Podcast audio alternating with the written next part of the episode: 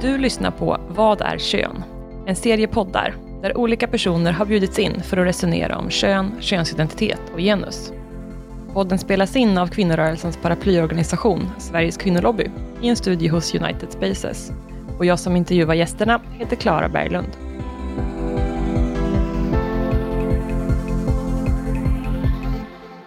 Vi ber om ursäkt för att det är dåligt ljud under det här avsnittet. På grund av coronapandemin har avsnittet spelats in på distans. Vi hoppas att ni har överseende.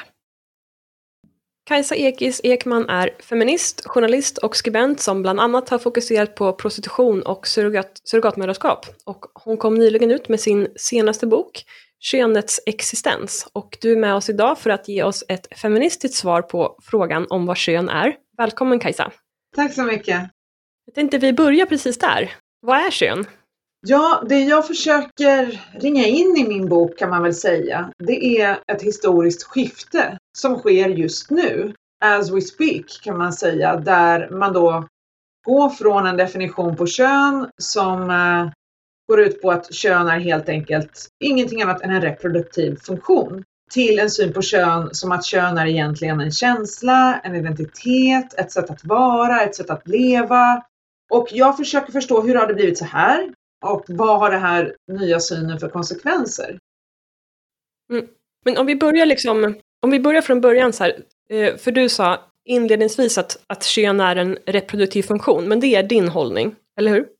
Ja, eller min och min hållning, alltså det beror på vad man menar med kön, men som feminist så har man ju länge haft en uppdelning som jag tycker fungerar väldigt bra, där man med kön just menar bara kroppen. Det vill säga då att mänskligheten, precis som många andra djur, har två kön av reproduktiva skäl. De har olika kromosomer, den ena befruktar, den andra föder och liksom det säger ju ingenting egentligen om vem som ska ha vilka jobb, vem ska vara president. Alltså det där bestämmer ju inget mer än hur nytt liv ska skapas. Det är ju helt neutralt. Sen kallar vi genus allt det där andra som har kommit att förknippas med kön, men som egentligen inte hör, hör dit. Alltså när man säger till exempel att ja, eh, om man tar ett eh, snöre och knyter runt halsen då heter det slips och det passar de med XY-kromosomer. Så allt det där är ju egentligen bara fördomar och eh, kulturella konstruktioner som varierar i historien som, som inte har någonting med själva könet att göra. Så att det är ju den uppdelningen jag tycker funkar. Sen när man i dagligt tal säger liksom att ja, men det är typiskt män att göra så eller typiskt kvinnor att göra så så syftar man ju faktiskt ofta på genus och inte på kön, eller hur? Ja, exakt. Men det är liksom att eh, det är den där eh, att frikoppla kön från genus som är feminismens grundtanke, eller hur? Det är liksom att, att se och också skapa. Liksom att, att skilja på kön och genus och att hjälpa till att också frigöra människor i sina liv från liksom, de, de genusstereotyper som är kopplade till ens kön. Ja, precis. Därför att biologismen har ju länge velat mena att det, det, är liksom samma sak. Att eh, föds man till kvinna, då ska man vara kvinnlig. Man bör vara det, eh, man passar till det, kvinnor är så, män så och så vidare. Och feminismen har ju alltid kämpat mot de här idéerna. Jag menar, det var ju inte, det var ju liksom hundra år sedan som biologisterna tyckte till och med att eh, i kvinnligheten ingick inte att delta i demokratin. Man skulle inte ens få bestämma vem som skulle bestämma ungefär. Man skulle verkligen inte bestämma själv. Eh, och sen så har ju kvinnorörelsen kämpat mot det här, nått framsteg och kom på den här uppdelningen just i kön och genus för ungefär 50 år sedan där man kom på att ja, men det är en ganska bra uppdelning att använda. Eh, för då kan man ha ett ord som bara syftar på det reproduktiva och sen ett annat ord som syftar på de kulturella föreställningarna. Och det finns också en annan anledning till att man började använda just ordet genus eh, och det är ju att i USA så är ordet för kön samma som för ordet för sex, det vill säga sex. Och det blev problematiskt för kvinnor, kvinnorörelsen när man började agera politiskt därför att när männen läste kraven som kvinnorna hade och de såg ordet sex hela tiden så tänkte de ju på samlag. Så därför blev det lättare att använda ordet gender för det, det förde inte tankarna till liksom penetration. Mm. Det är väl liksom en, eh, en manlig genusstereotyp att män tänker på sex hela tiden? Ja, det var faktiskt eh, rådgivarna till de, eh, några av de första kvinnliga politikerna och advokaterna, det var deras sekreterare som sa så här Du vet väl vad karlarna tänker när, när de läser dina tal? Sex, sex, sex står det hela tiden. Det är väl inte det du vill att de ska tänka på? Så att därför, det var, inte därför, men det var ju en av anledningarna till att ordet gender också har blivit så populärt i USA för att det låter mer kliniskt, det låter vetenskapligt, akademiskt. Eh, ordet kön har liksom lite fallit ur mode kan man säga. Mm. Ja men exakt. Men om vi, det är liksom då den feministiska definitionen, klassiska definitionen av kön och genus som vi har jobbat med de senaste 50 åren och som har hjälpt oss att bedriva jämställdhetsarbete också praktiskt i, i Sverige och runt om i världen. Men sen sa du också så här, så har det skett då en, ett skifte kring den här definitionen på senare år. Och vad är, vad är det skiftet? Ja, det skiftet är att man i västvärlden då i allt högre utsträckning börjar då att eh, inom juridiken, i lagarna, inom idrotten, inom vården, inom media, inom den politiska diskussionen att då använda sig av en definition på kön som är att kön är då inte bara kroppen utan tvärtom. Kön får absolut inte vara kroppen säger man. Kön har till och med ingenting med kroppen att göra. Utan kön ska istället vara en, en känsla, vad man känner sig som, hur man identifierar sig själv. Så att eh, vad det innebär i praktiken är ju att stereotyper om kön, att eh, det som vi kallar då genus, blir själva grundbulten i den samhälleliga definitionen på kön, vilket innebär att man då låser fast definitionen på till exempel kvinna vid en uppsättning karaktärsdrag som en kvinna antas ha. Och vilket också har massa andra konsekvenser, till exempel då att man föreslår att vi ska ta bort juridiskt kön. Då kan man inte längre föra statistik eh, om kvinnor och män eftersom det då inte går att räkna vilka är kvinnorna och vilka är männen. Ehm, att enkäter då istället ska utgå från eh, upplevt kön. Vilket kön har du? Med kön menar vi eh, könsidentitet, det vill säga vilket kön du känner dig som. Och det tycker jag är så intressant för att här är ju själva den springande punkten. Eh, om kön är neutralt, om kön bara är en reproduktiv funktion, hur kan man då känna sig som ett kön? För att kunna känna sig som ett kön så måste ju kön betyda någonting mer än bara det reproduktiva. Då måste ju där inbegripas hela den samhälleliga föreställningen om kön, eh, det vill säga genus. Man kan ju naturligtvis känna sig som olika genus, men det är ju svårt att känna sig som ett kön i och med att kön bara är en kropp. Man kan ju inte rimligtvis känna att man har spermier eh, när man inte har det. Mm. Utan ofta är det ju faktiskt genus som avses där. Så du menar liksom att eh, den här um, tanken om eh, könsidentitet, att känna sig som ett kön handlar om att man känner att man passar in i en stereotyp, en genusstereotyp och det är det som man egentligen, du drar liksom ett likhetstecken mellan könsidentitet och genus egentligen. Ja, det hävdas ju ofta då i samhällsdebatten att nej, eh, könsidentitet och könsroller är inte alls samma sak. Och man kan vara kvinna, känna sig som en man, men inte alls vilja vara en stereotyp man. Och det, det liksom, tycker jag är lite ohederligt att säga därför att eh, när man tittar på ofta vad är det då till slut man menar? Ofta säger man ju så här, man kan identifiera sig som vad man vill och det är bara man själv som vet och det är ingen annan kan säga och det har ingenting med könsroller att göra. Men följer man den här tråden lite längre så ser man ju att det till exempel guideböcker till föräldrar som har barn som beter sig på ett sätt som då icke könsstereotypt. Så är det återigen könsrollerna det handlar om väldigt tydligt. När man ställer diagnoser i diagnoskriterierna så är det väldigt tydligt könsroller det handlar om här. Det är alltså inte så att ett kön plötsligt betyder vad som helst utan det är väldigt tydligt när man tittar på berättelser från personer som har bytt kön så är det dominerande berättelserna om just könsrollerna och könsstereotyper. Så att eh, jag skulle säga att man kan inte blanda bort korten här utan eh, det blir faktiskt så att vi håller på att ersätta definitionen på kön som någonting helt neutralt, biologiskt och materiellt med en uppsättning stereotyper. Men tänker du att man ändå skulle kunna prata om könsidentitet så länge som det inte liksom, ersätter definitionen av kön? Alltså, ehm, är det möjligt att tänka att inom feminismen så kan vi ha kvar den här tydliga definitionen av kön som är kopplat till kroppen eh, och liksom reproduktionen. Och sen så kan vi ha eh, vår genusanalys. Men det kan också, vi kan också liksom erkänna att eh, människor identifierar sig och känner sig som kvinnor och män eller liksom att det, det kan vara viktigt för de människorna och de kan känna så och det behöver inte hota könsdefinitionen egentligen. Det kanske har blivit så, men, men behöver det vara så? Det är lite det jag är ute efter. Ja precis, Nej, men det fattar ju alla att i ett samhälle där eh, kulturen är så genusfixerad och genusuppdelad som den är idag. Där liksom till och med treåringar kan säga saker som att ja, men det där är kläder för killar, det där är kläder för tjejer. Där vi ser ofta att män och kvinnor uppträder i olika roller, eh, har olika intressen och där det är så uppdelat. Så är det väl självklart att man kan känna sig som ett eller annat genus då. Eh, I och med att folk är ju, folk passar ju egentligen inte in i de här rollerna utan folk är ju mycket mer. Man kan ju vara en individ, man kan ju ha individuella intressen som inte passar in och därmed dra slutsatser. om jag gillar sånt som bara killar gillar till exempel, ja, men då känner jag mig som en kille. Alltså det är inte konstigt, folk kan ju säga att de känner sig som, ja men jag, jag känner mig inte svensk liksom, jag passar inte in i den här kulturen. Jag har åkt utomlands och hittat en annan kultur, den passar mig bättre, jag känner mig så. Det är ju i dagligt tal någonting som, som många förstår. Problemet tycker jag är inte det. Problemet är när man från det officiella samhället i lagtexter, eh, när det gäller grunden för just juridiskt kön, när det gäller grunden för idrott till exempel, där gör förändringar som gör att det självupplevda könet blir på något sätt det riktiga könet. Jag anser ju till exempel att när det gäller idrott så är det så att biologiskt så är könen så pass olika, har så pass olika förutsättningar att det blir inte rättvist om man inte har en uppdelning i herrsport och damsport. Det är inte självupplevt genus som ska vara eh, grunden för den uppdelningen, för det är inte relevant här.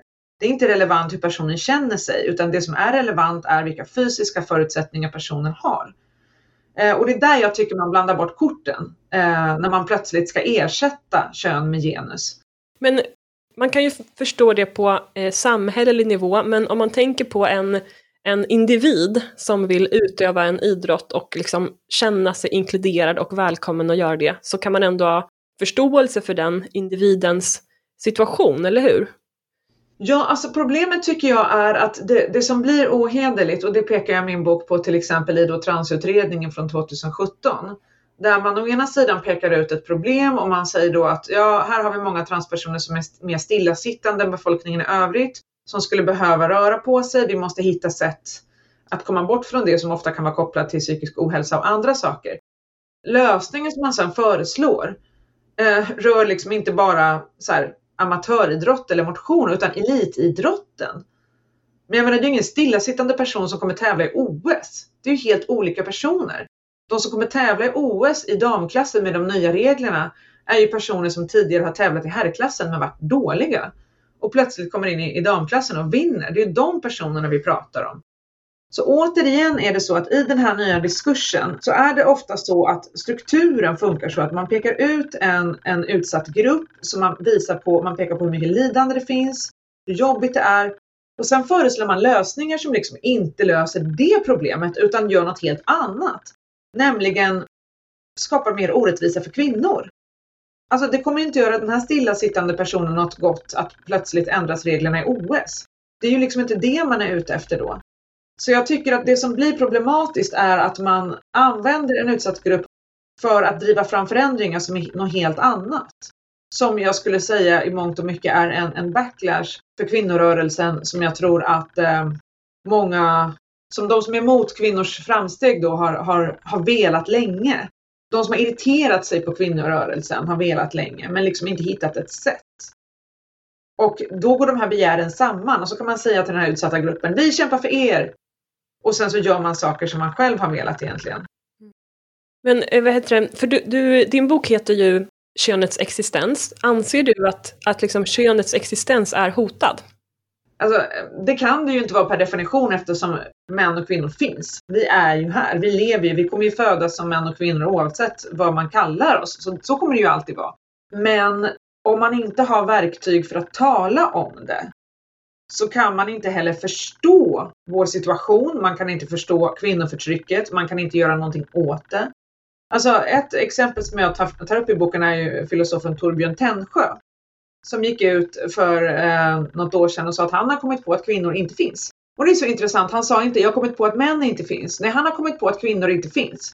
Det, det är liksom ett fejkord tycker han. Eh, istället då så ska man fragmentera den här förståelsen i eh, olika saker. Så då säger han att om man vill ha sex med någon som har en vagina, då är det viktigt att personen har en vagina. Då är det vaginan som är viktig, till exempel. Ska man föda barn, då är det eh, liksom livmodern som är viktig och så vidare. Men han vill inte längre gå med på att det finns något som heter kvinnor. Och därför tycker han inte att vi ska ha vår egen sport. Vi ska inte heller ha våra egna omklädningsrum. Han tycker man kan dela upp idrotten i ungefär bättre och sämre. Och då kan man ju tänka sig vilka han menar med sämre då. Det är ju inte så smickrande. Och jag menar, det här är ju naturligtvis en språklig lek, för jag menar, vi kvinnor finns ju fortfarande. Men hur ska vi då, om vi går med på hans tes, hur ska vi då kunna förstå oss som en helhet? Hur ska vi kunna formulera någonting mot kvinnoförtrycket som är begripligt för majoriteten kvinnor? För det är klart att så här, ja, jag kan ha en grupp för livmoderbärare och så kan jag ha en grupp för menstruatörer. Jag kan ha en grupp för liksom, ja, fittbärare och jag kan ha en grupp för liksom, de som av någon outgrundlig anledning är diskriminerade på arbetsmarknaden. Eh, men om jag ska tala på det sättet, kommer jag verkligen att kunna nå Sveriges fem miljoner kvinnor? Eller kommer jag tappa bort ungefär eh, fyra och en halv miljon så att det liksom bara blir några kvar? Om ens det. Så att vi förlorar ju förmågan då att bli begripliga om vi inte längre kan tala om kvinnor utan en lång introduktion där vi ber om ursäkt för massa saker eh, och komplicerar det på massa olika sätt. Mm. Jag tänkte fråga dig också, i, inom feministen så, feminismen så beskriver man ju ofta kön som en hierarki. Mm. Vad, eh, vad menas med det? Ja, eh, jag använder mig av den liknelsen och då talar jag ju om kön, inte då som den reproduktiva funktionen utan i ett, ett patriarkalt samhälle, hur, hur samhället är strukturerat, vilka platser män och kvinnor har. För det är ju modernt nu för tiden att man säger att könen är binära. Um, och det tycker jag är så konstigt liksom att man använder, det är väldigt typiskt att man använder idag en liknelse som är hämtad från då tekniken för att förklara hur könen är strukturerade. På antiken när man skulle förklara könen så använde man ju olika tyger som liknelser, man använder olika naturliga element och så vidare. Så att varje tid har ju sitt sätt att beskriva det här. Men det här med binaritet, det på något sätt implicerar att könen skulle vara symmetriskt ordnade inom patriarkatet så att det liksom är bara en uppdelning i liksom ettor och nollor ungefär. I själva verket så är det ju så att vi har ju ett, ett hierarkiskt system, eh, ett förtryckarsystem. Det är ju inte bara så att det finns en mansroll och en kvinnoroll utan mansrollen är ju betydligt mycket friare än vad kvinnorollen är. Eh, och kvinnor har ju när det gäller på alla plan, liksom ekonomiskt, sexuellt, politiskt, så är vi ju så är vi ju diskriminerade i det här samhället. Ja, och om, om, om man då tänker sig att kön är en hierarki på det sättet som du beskriver att män som grupp och det som är manligt i genussystemet är överordnat eh, kvinnor som grupp och det som uppfattas som kvinnligt. Vad blir då liksom, vad händer när det möter den här nya synen på kön som en identitet? Alltså... Ja, problemet är ju att man kan tro, för det är det den här nya synen på kön liksom hur den marknadsför sig. Att nu kommer vi bort från det här gamla tänkandet och uppdelningen i två kön och vi förstår att eh, världen är större, det är ett spektrum, det finns massor av kön, allt är inte så enkelt. Vi rör oss till en friare värld där man får vara vem man vill. Och, ja, det tycker väl eh, många är bra. Så här, Åh, ja men det låter ju positivt liksom. Problemet är att det är inte så det slutar med utan det slutar med att vi får en fragmenterad, uppdelad, styckad och tabubelagd kvinnlighet. Medan vi får en totalt eh, hegemonisk och oifrågasatt manlighet. Därför att den här nya synen på kön riktar in sig på just att ifrågasätta kvinnligheten, alltså kvinnorna. Att säga att kvinnorna är inte tillräckligt inkluderande, kvinnor är problematiskt, kvinnor är eh, ja, eh, privilegierade, kvinnor är cis-kvinnor, kvinnor är det och det och det. Det är ingen ände på allt dåligt som, som finns med kvinnorna. Men det är aldrig någon som säger att Nej, men patriarkatet är inte tillräckligt inkluderande. Patriarkatet borde ifrågasättas, patriarkatet borde styckas upp, ordet man borde inte finnas, man kan inte tala om män. Alltså, paradexemplet är ju som jag tar upp i min bok, eh, något företag, kommer inte ihåg om det var Libresse eller Tampax, jag tror båda de har, eh, har gjort det här, eller Always, där de eh, går ut och säger att vi ska inte längre använda ordet kvinna. Vår målgrupp eh, eh, är mycket större än så. Alla kvinnor menstruerar inte, alla som menstruerar är inte kvinnor. Vi ska därmed använda ordet menstruatörer för att vara mer inkluderande. Och så skriver de i samma andetag Eh, idag hyllar vi alla menstruatörer. Vi kan göra allt som män kan göra medan vi blöder. Och tittar man på det här så ser man den här nya synen på kön i ett nötskal därför att där ser man verkligen att ja, eh, vi får inte säga kvinnor, men vi får säga män. Så att män går bra, det är inte något problematiskt. Och män används fortfarande i motsats till då det här som man inte får säga, nämligen kvinnor, utan nu heter vi menstruatörer. Och på samma sätt ser vi med till exempel vagina Monologs att den antingen inte får sättas upp för det är problematiskt att prata om vaginor eller att eh, man då istället byter ut ordet vagina mot blank. Så att på ett amerikanskt universitet satte man upp den här pjäsen men man då, eh, den heter The Blank Monologues.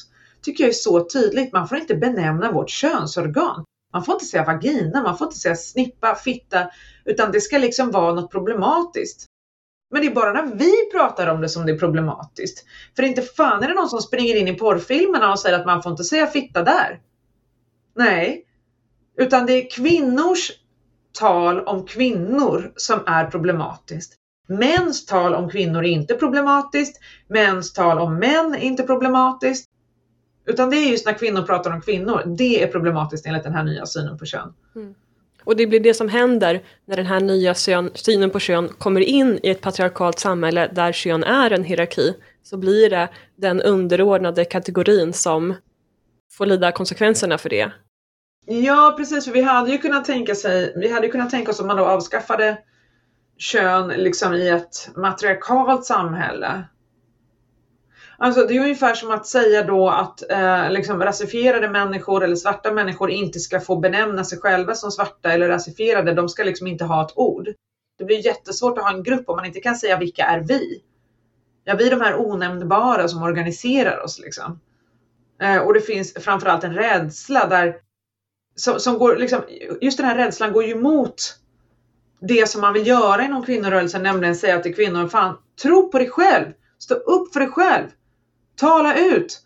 Och då ska man istället säga, nej men jag, jag är så privilegierad. Och jag tycker det där, det där är så fult för att det är verkligen så diaboliskt uttänkt att man då säger till kvinnorna, inte bara trycker ner dem och säger som man gjorde förr i tiden, liksom, ni är kvinnor, ni fattar ingenting, ni har inga hjärnceller, eh, ner med er, håll käften. Liksom, utan att man säger, ni är privilegierade, ni är förtryckare, ni borde eh, ge plats åt transkvinnor, de är de mest förtryckta och så vidare.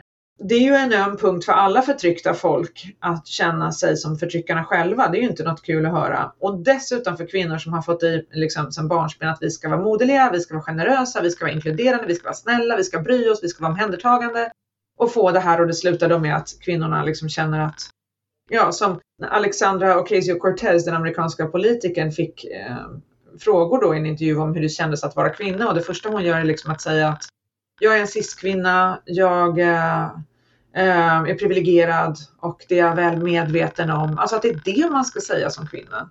Mm.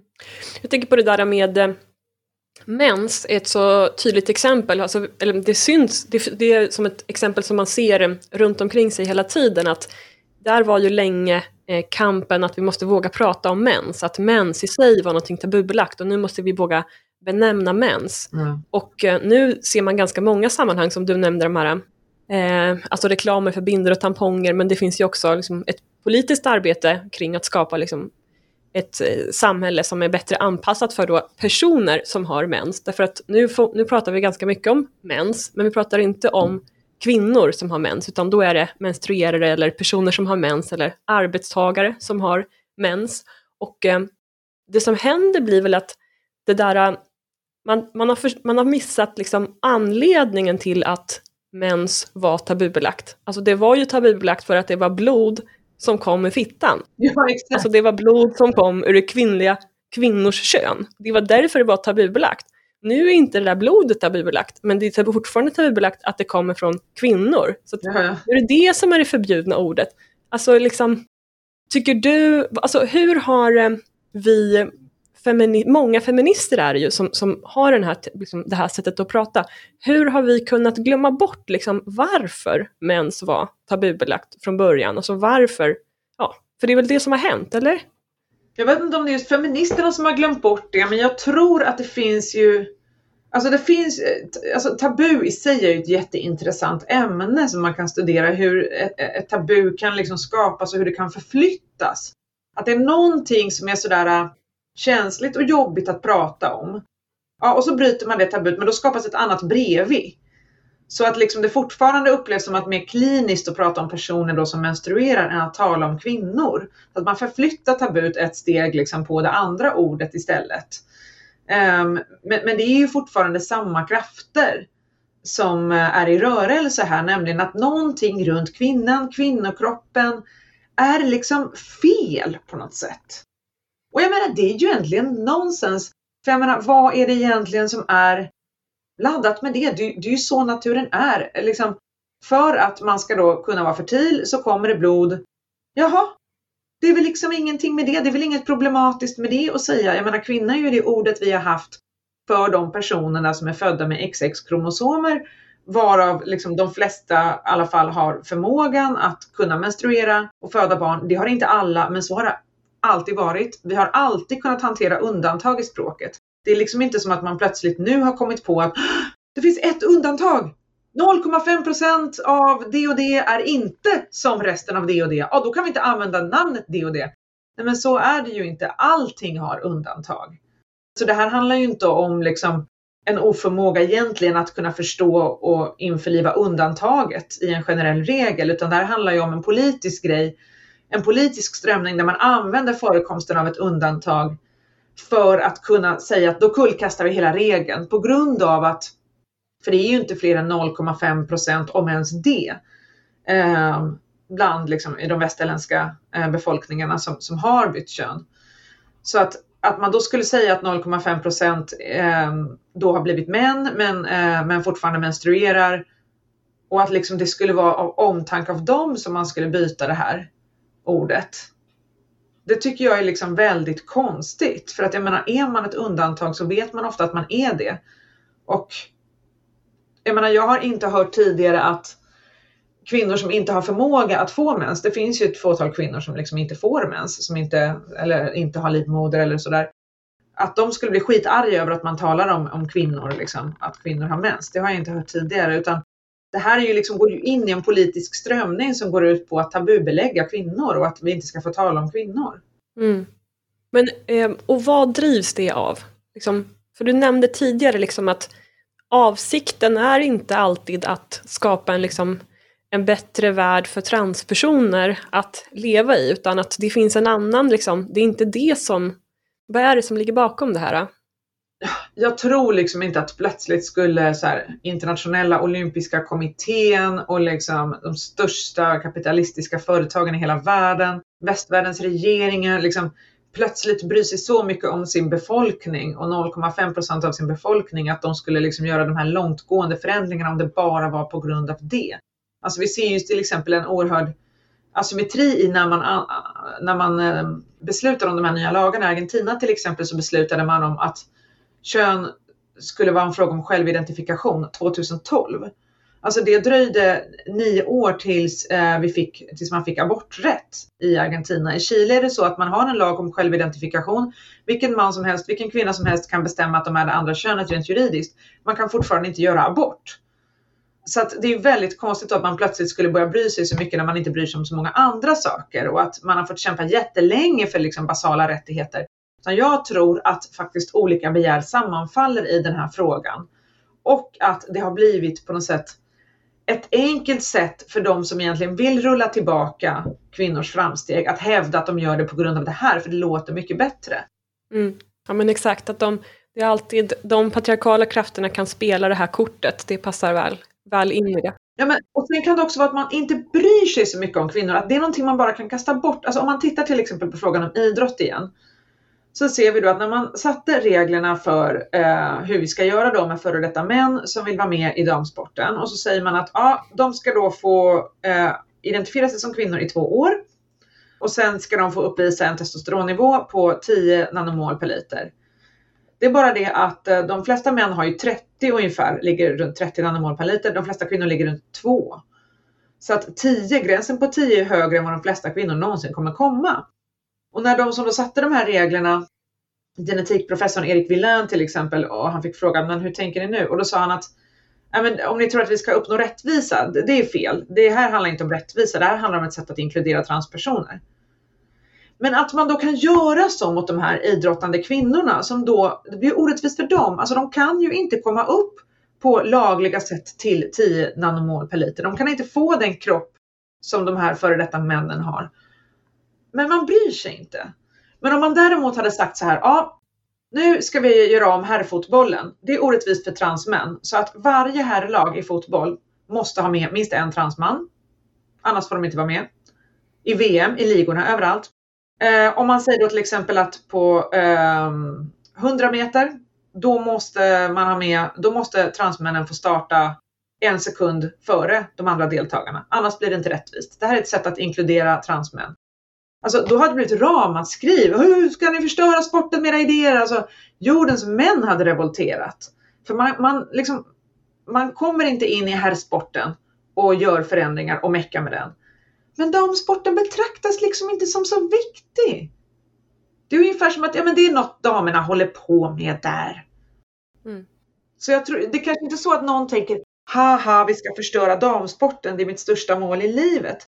Men det man ser är ju att de här förändringarna går igenom på område efter område utan att det känns som att någon riktigt bryr sig. Att det spelar ingen roll. Och samma med då att man sätter till exempel sexualbrottslingar i kvinnofängelse eller män som har mördat kvinnor i kvinnofängelser. Alltså fängelseledningen för kriminalvården för ingen diskussion om vad tycker de här intagna kvinnorna om det? Det finns inte ens med i besluten. Det är ingen som bryr sig. Och det är så himla konstigt att då den här manliga brottsling, brottslingens säkerhet väger så otroligt tungt. Det är så otroligt viktigt för honom då att han inte ska behöva vara i ett mansfängelse för han kan bli trakasserad där säger man. Men det är ingen som tänker på då kvinnorna i kvinnofängelset. Mm. Och nu väljer du säga han där så nu vet du att det kommer bli många som reagerar på det när de lyssnar på det här. Ja, alltså det beror ju på. Jag tycker liksom att jag, jag skulle inte säga det rakt av liksom, om det gäller någon person som verkligen här, seriöst har, har bytt kön, lever som det nya könet. Men i vissa fall när det gäller de här sexualbrottslingarna, alltså de är ju inte seriösa. De, de gör ju inte det här för att de verkligen känner sig som kvinnor ens, utan många av dem gör ju det för att de av andra anledningar vill komma in bland kvinnorna. Och ska jag gå med på den charaden och säga liksom ja, det är en hon. Mm. Om liksom den här styckmördaren till exempel. Även då är man ju med på det här spelet liksom. Mm. Män har alltid i alla tider försökt hitta sätt att komma in i kvinnors utrymmen och liksom också, jag tänkte på det som du sa tidigare, att försöka eh, försöka få kvinnor att eh, inte kunna enas och komma samman. Att, liksom, att inte kunna förena, alltså ända sedan liksom rösträttsrörelsen, att, att eh, har man liksom försökt hindra kvinnor från olika samhällsgrupper att eh, komma samman och hitta någonting gemensamt och försökt liksom hålla, hålla isär kvinnor och hindra kvinnor från att enas och liksom, de här, vi som jobbar i kvinnorörelsen vet ju att de här separatistiska rummen när många kvinnor eh, kommer samman är ju någonting som upplevs som oerhört utmanande och provocerande, liksom. hotfullt. Ja. Och att även om det inte var det som var avsikten så det som händer eh, när man tar bort det här språket kring att inte få säga kvinna eh, och inte få benämna de här könade upplevelserna, det är ju också lite samma sak. Kan du se det? Förstår du vad jag är ute efter?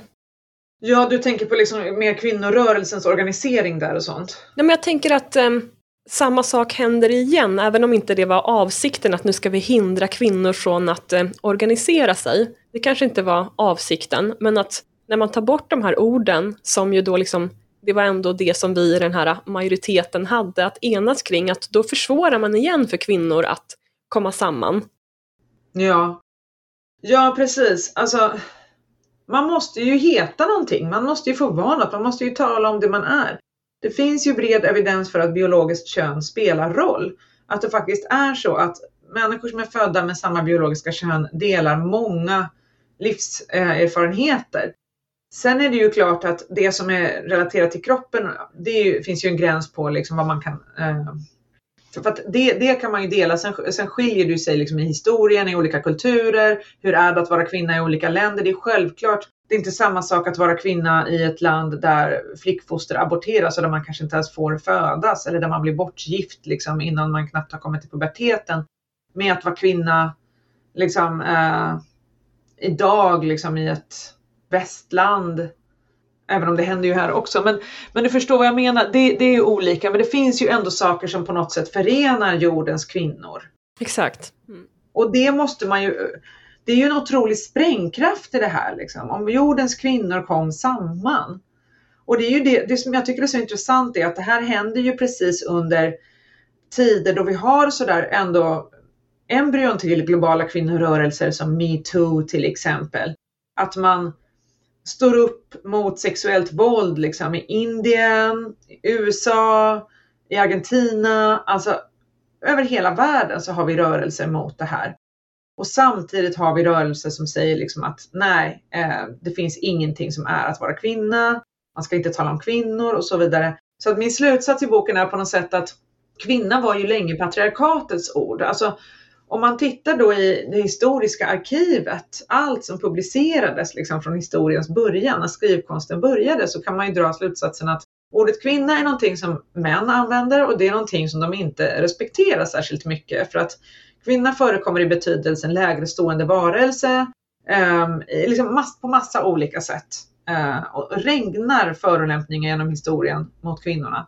Och sen så händer någonting på 1700-1800-talet där faktiskt kvinnorna själva börjar skriva och tala, börjar med liksom modernt uttryck kan man säga, ta tillbaka ordet kvinna och börja säga att nej men att vara kvinna är att man är förtryckt, men det är fel att vara förtryckt. Vi ska inte vara förtryckta, vi ska kämpa för våra rättigheter. Och idag har ju betydelsen av ordet kvinna förändrats. Så det är något helt annat idag att vara kvinna. Det är ju kan man säga ett förtryckt politiskt subjekt eh, med rätt att kämpa ungefär. Och därmed är det inte patriarkatets ord. Så det är fullt förståeligt ur en historisk kontext när vi ser de här tusentals åren liksom springa förbi att patriarkatet, som ändå fortfarande finns, inte längre behöver ordet kvinna. För ordet kvinna tillhör numera kvinnor och kvinnorörelsen. Så att patriarkatet behöver inte det här ordet och har allt intresse av att göra sig av med det. Mm. Att få oss att inte tala om det, för då blir man ju av med allt på en gång. Då slipper man ju kämpa mot varenda av eh, krav vi har. Man tar bara bort gruppen. Ja, men då blir vi förvirrade och springer som yra höns hit och dit. Mm. Det kommer ta lång tid innan vi liksom samlar ihop oss igen och försöker hitta, vänta, vilka var vi? Vad heter vi? Vad är våra problem? Mm. Är det det som händer nu eller? Att vi springer runt här? Nej men alltså utvecklingen är ju inte enhetlig men, men till viss del så tycker jag att det tyvärr är så och det som är synd är att det sker liksom i kvinnorörelsens toppskikt. Och vad betyder det? Jo, därför att det är ju inte så att alla människor liksom är lika politiskt aktiva eller har samma möjlighet till röst eller inflytande. Men när det då blir så att feminismens toppskikt kan man säga börjar byta ut sitt språk, slutar använda ordet kvinna, ah, kvinnliga influencers och politiker och kända personer börjar liksom tala på det här nya sättet om icke-män och menstruatörer och sådär. Um, så skapar man ju ett sätt där man har till exempel, ja, men, säg då de mest framstående feministiska tidningarna i Sverige de senaste tio åren har ju ändå varit liksom Bang och Feministiskt perspektiv där man liksom inte riktigt har velat granska vad det är som sker utan där man har istället gått med på den här nya terminologin. Blivit väldigt nervös kring sitt kärnsubjekt egentligen och velat nästan avskaffa kärnsubjektet.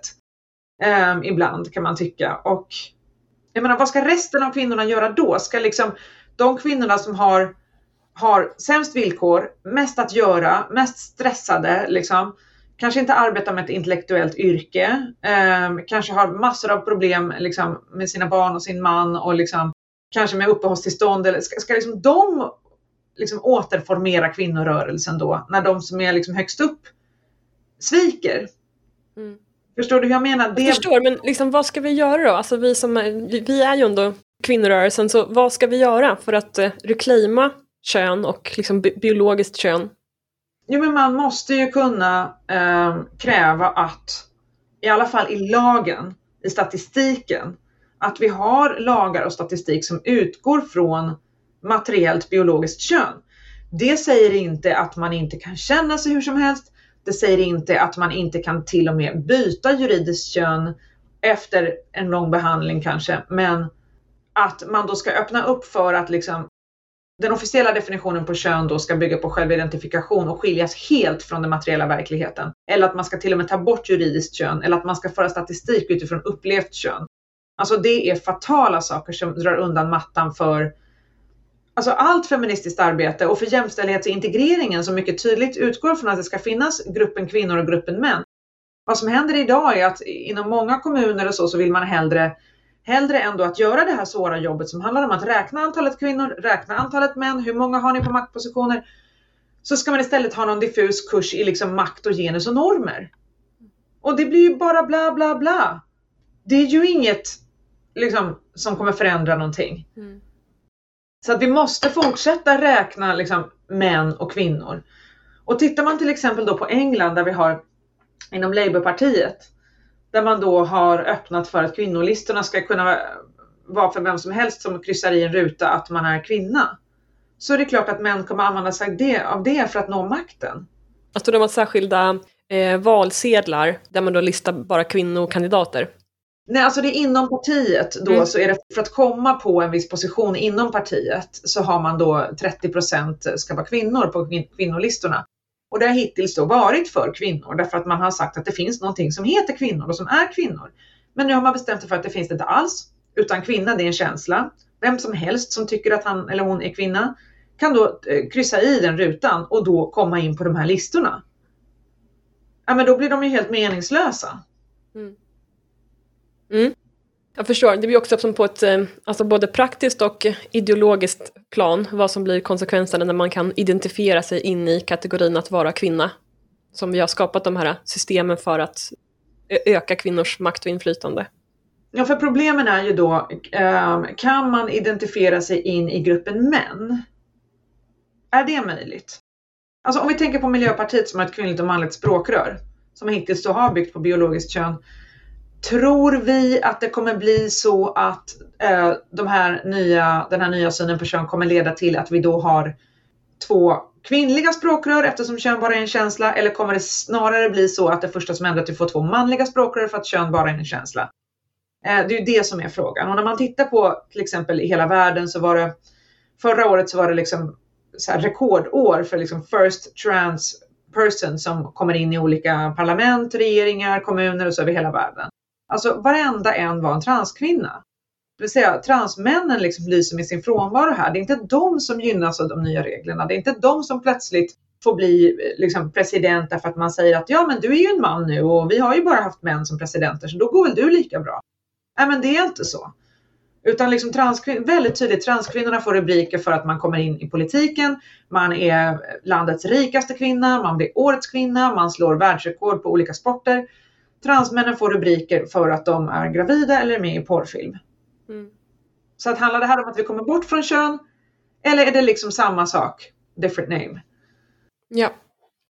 Vi ska börja avrunda lite grann och det, det sista du ska få göra är att få tipsa oss om eh, en text eller en film eller en podd eller någonting för den som vill eh, fortsätta lära sig mer om den feministiska definitionen av kön. Mm. Då har jag först en antologi som har några år på nacken som heter Female Erasure. Som eh, vars redaktör heter Ruth Barrett. Och den handlar precis om just det här utraderingen av kvinnor så att det är eh, en mängd intellektuella debattörer, journalister och även eh, aktivister då framförallt från USA som skriver om vad utraderingen av kvinnor har inneburit inom deras område. Sen kan jag också tipsa om en annan bok som heter The Gendered Brain The New Neuroscience That Shatters the Myth of the Female Brain av Gina Rippon. Och den är väldigt intressant för den eh, krossar den här myten om att det skulle finnas någonting som en kvinnlig och en manlig hjärna.